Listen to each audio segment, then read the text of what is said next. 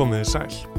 Næstu vikur geta aðdáðendur ennska boltans tekið eftir því að sérstök hljeverða gerð á leikjum eftir að sólinn er sest. Þetta er gert til þess að þeir leikmenn sem hafa fastað frá dögun geti skokkað að hliðalínunni, gripið í sérstakt orkugel og fengi sér eitthvað að drekka áður en leikurinn heldur áfram. En hvers vegna að mæta sumir þeirra til leiks á tóman maga, getur maður spurt sig. Flest kunnum við ekki vel við að vera svöng í vinnunni, hvað þá ef hún krefst líkamlegar áreinslu eins og knatsbyrna í hæsta gæðaflokki. Jú, nú stendur nefnilega yfir Ramadan og kjósa múslimar margir ef ekki flestir að fasta á meðan sól er á lofti á þessum heilagasta tíma ársins. En hvað er Ramadan? Út á hvað gengur það og hvers vegna fastar um það byrj fjórðungur mannkins í heilan mánuð á ári hverju? Ég heiti Snorri Rafn Hallsson og þú ert að hlusta á þetta helst og helst í dag er hinn heilagi mánuður muslima Ramadan.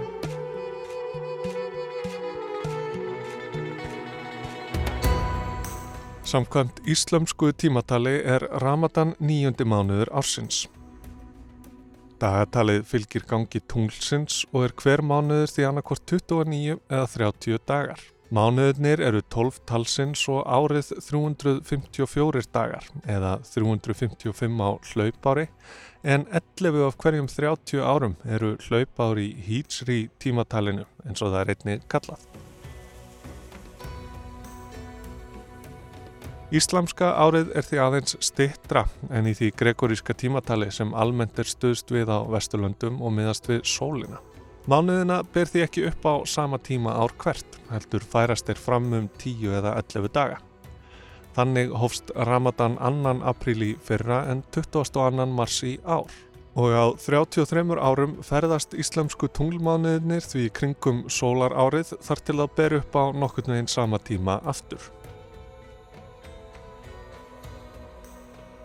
Annar munur á tímatölunum tveimur er að hefð gregoríska miðast við fæðingu Jésús fyrir 2023 árum síðan en íslamska tímatalið telur frá því þegar spámaðurinn Múhameð flutti á samt vilkjendum sínum frá Mekku til Medínu og stopnaði þar fyrsta muslimska samfélagið fyrir 1444 árum síðan. Dagstælega hefur gregoríska tímatalið orðið ofan á víðaðum heim, líka í löndum muslima en íslamska tímatalið markar enn helgisiði og háttíðir trúarinnar.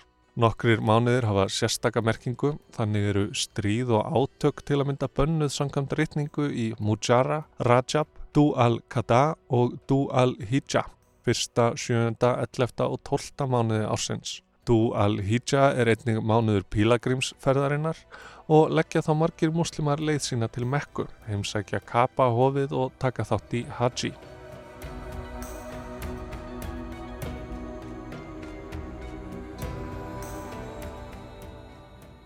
Ramadan er þó heilagastur þeirra allra. Ramadan merkir brennandi hitti og vísar bæði til arabíska sömarsins og þess bruna veraldleira langana sem fastan sem enginnir mánuðin á að framkalla. Spámaðurinn Múhameð á að hafa sagt að þegar Ramadan gengur í garð opnist hlið himnaríkis, helviti sé lokað og djöflatnir hlekkjaðir. Og muslimar trúa því að það hafi verið í Ramadan sem alla opinberaði hinn að heilugu bók Kóraninn fyrir Múhameð og fyrstu versin hafa hann fengið á nóttu sem kallast Lailat al-Qadr á arabísku og gæti útlagst sem nótt mættisins. Í Ramadan leggja trúaður muslimar sig því fram um að fara að bóðum alla en Íslam merkir einmitt að hlýða Guði. Ramadan er því tími andleirar íhugunar og yðkunar, sjálfsaga, samfélags og gjöld góðra verka markfaldast. Stóðir Íslam, grundvallaratriði trúarinnar eru fimm. Shahada eða trúarjátningin, salat, bænin, að krjúpa í átt að kapa hofinu í Mekka, fimm sinnum á dag og byggja, sakat, ölmusan, að greiða fasta prósendu sem er útlutað til fátækra, Haji, pílagrimsferð til Mekka að minnstakosti einu sinni á æfinni ef fjárhagur og helsa leifa og svo Saum, fastan, að sleppa því að borða, drekka, reykja og stunda kynlíf frá dögun til solsetturs í tunglmániðinum Ramadan. Fastan þjónar ímiskonar andlegum og samfélagslegum tilgangi. Minnir fólk á það hvað lífið er viðkvæmt og að trista þarf á alla fyrir næringu. Hún sýnir fólki hvernig það er að vera svangt og þyrst til að auka samhegð með fátækum og þurfandi og ekki síst fækkar það tröflunum hverstagsins svo hægt sé að einbita sér að sambandi sínu við alla. Einnig er ætlast til að fólk síni á sér góða hegðun, bæi frá sér neikvæðum hugsunum og tilfinningum, hemji sig við að blóta, kvarta og slúðra. Á þetta leiða til hreinsunar, aukins sjálfsaga og færa fólk nær alla í lífi sínu. Vegna föstunar tekur daglegt líf muslima nokkrum breytingum í Ramadan. Fjölskyldur fara á fætur fyrir dögun til að borða fyrstu máltíðina sem kallast suhúr og er fyllt eftir með morgunbæn. Sumir hefja svo dægin en aðrir næla sér í örlítinn svefn áður en haldiði lengra. Skólahald og vinna fara mestmægnis fram með venjulegum hætti en í einhverjum löndum er dagurinn stittur. Að öðru leiti þá breytist fátt þótt muslimar korki borðinni drekki allan daginn.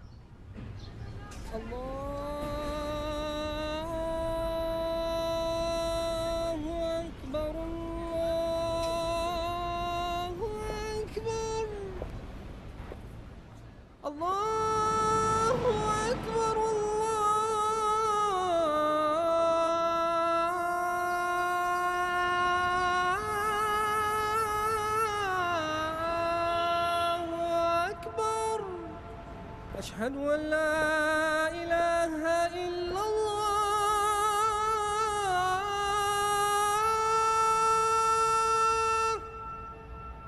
أشهد أن لا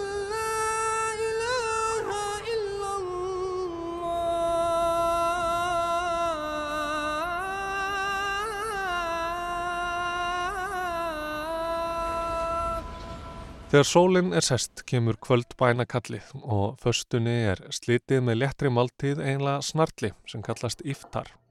Bismillahirrahmanirrahim, Allahumma salli ala Muhammad wa ala Ali Muhammad.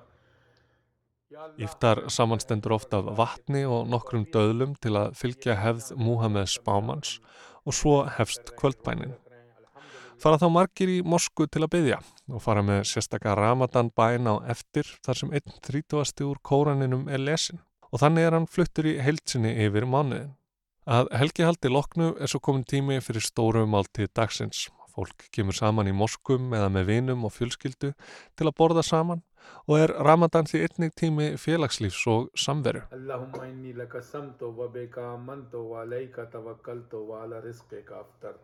Bismillah Þó reglur um hvenar skuli borðað séu strangar er nokkuð frjálst hvað fólk leggur sér til munns og hafa ýmsar hefðir skapast viðsvegar um heiminn þar sem muslima trú er yðguð. Ramadan Pidesi brauð er til dæmis bara bakað í Tyrklandi á þessum tíma árs. Halim, þykk kássa úr kveiti, byggi og kjöti er algengi í Suður Asíu. Í Indonésiu er lapis legit, átjánlaga kaka bökuð og í Marakó er harýra kjúklingaböynasúpa gjarnan á boðstólum enda afar nærandi eftir langa föstu. Þáttaka í föstunni miðast við kynþróska en þá er ætlast til þess að maður farið að fasta allan ramadan. Í kringum sjö ára aldurinn er þó algengt að börn fara að taka þátt með tákrænum hætti, fasta kannski hálfan daginn eða um helgar.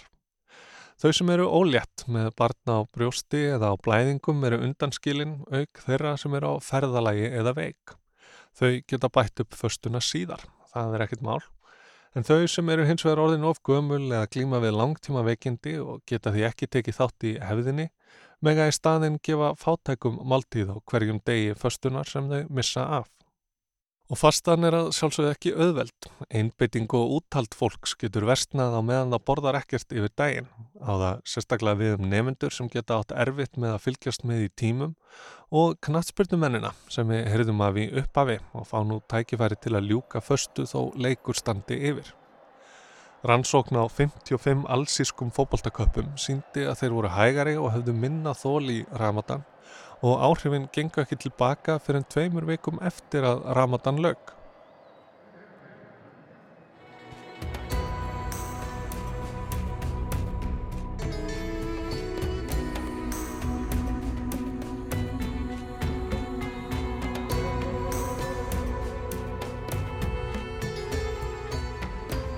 Því er ekki furða að mörg hlakki til hátíðarinnar sem haldin er við lok Ramadan, Eid al-Fitr.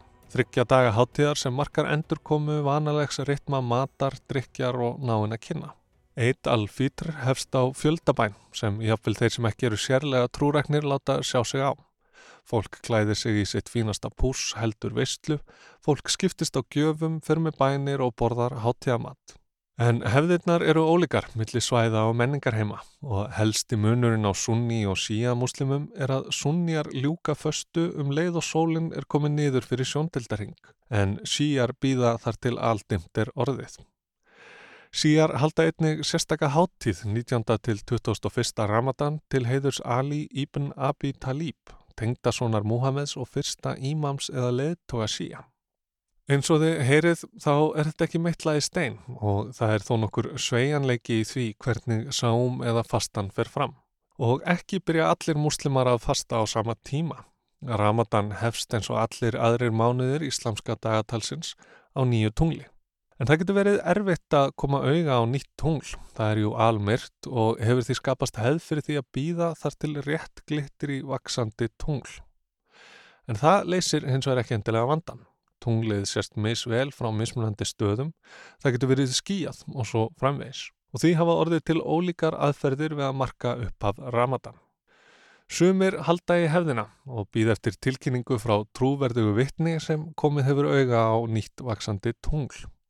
Aðrir treysta á opinbera yfirlýsingu frá Sáti Arabíu og enn aðrir nota einfallega stjörnufræðilega útreikninga til að marka upp af og endi ramadan. En svo er dagurinn náttúrulega ekki jafn langur allt árið um kring eins og við þekkjum vel og Ramadan getur borðið upp hvena sem er. Beri Ramadan upp að vetri er fastan stittri en lengri að sumri. Þetta getur hins vegar skapað ákveðin vandamál og verið nánast ómögulegt hér á norðurslóðum. Til að mynda árið 2014 þegar Ramadan stóði yfir í júli og dagurinn var 22 klukkustundir hér á landi. Tveir tímar eru varla nægur tími til að ljúka föstu, fara með kvöldbæn, svo sérstaka ramadanbæn, borða iftar, borða súhúr og fara með morgunbæn og það allt um miðjanótt. En þetta vandamál hefur verið leist þannig að múslimar með að fylgja solganginum í næsta múslimaríki eða í Mekka. Svo ef sólinn er á lofti millir fimmað morgni og sjöð kvöldi í Sáti Arabíu geta muslimar meða við þá tíma, auðveldar það hlutina nokkuð mikið. Mér langar að ljúka þessu á skemmtilegri staðarendum muslima í gemnum en þeir standa frammi fyrir því vandamáli að sólarhingurinn fylgir ekki sumu lögmálum og hér á jörðuneyri. Hefur því verið ákveðið að þeir skuli fara eftir klukkunni á þeim stað þar sem þeir sögðu skilið við jörðina. Til dæmis í Flórida ef ferðalagið hófst í Kennedy Space Center. Síðan þeir um borði í alltjóða gemstöðinni sem ringsólar jörðina á 92 mínútum geta þeir einni átt erfitt með að snúa sér að mekka til að byggja. Fyrsti gemfari Malasíu baðum lausna á þessu áður en hann fór og gaf fattvar áð Malasíu út leifinningar. Eftir farandi kostir eru í bóði. Fylgja skal þeim fyrsta ef það er mögulegt en annars skrýpa til hinna. Fyrsti möguleikin er að byggja í átt að kapa hófinu sjálfu. Ef það er ekki mögulegt þá skal byggja í áttina að þeim punkti sem er beint fyrir ofan kapahófið en í sömu hæð og geimfarin. Sér það ekki hægt nægir að byggja í áttað jörðinni almennt og fjóruði valkosturinn er að snúa bara eitthvert. Þetta var helst af heilugum mánuði muslima Ramadan sem nú stendur yfir. Ég heiti Snorri Raffn Hallsson og þakka áhörnina.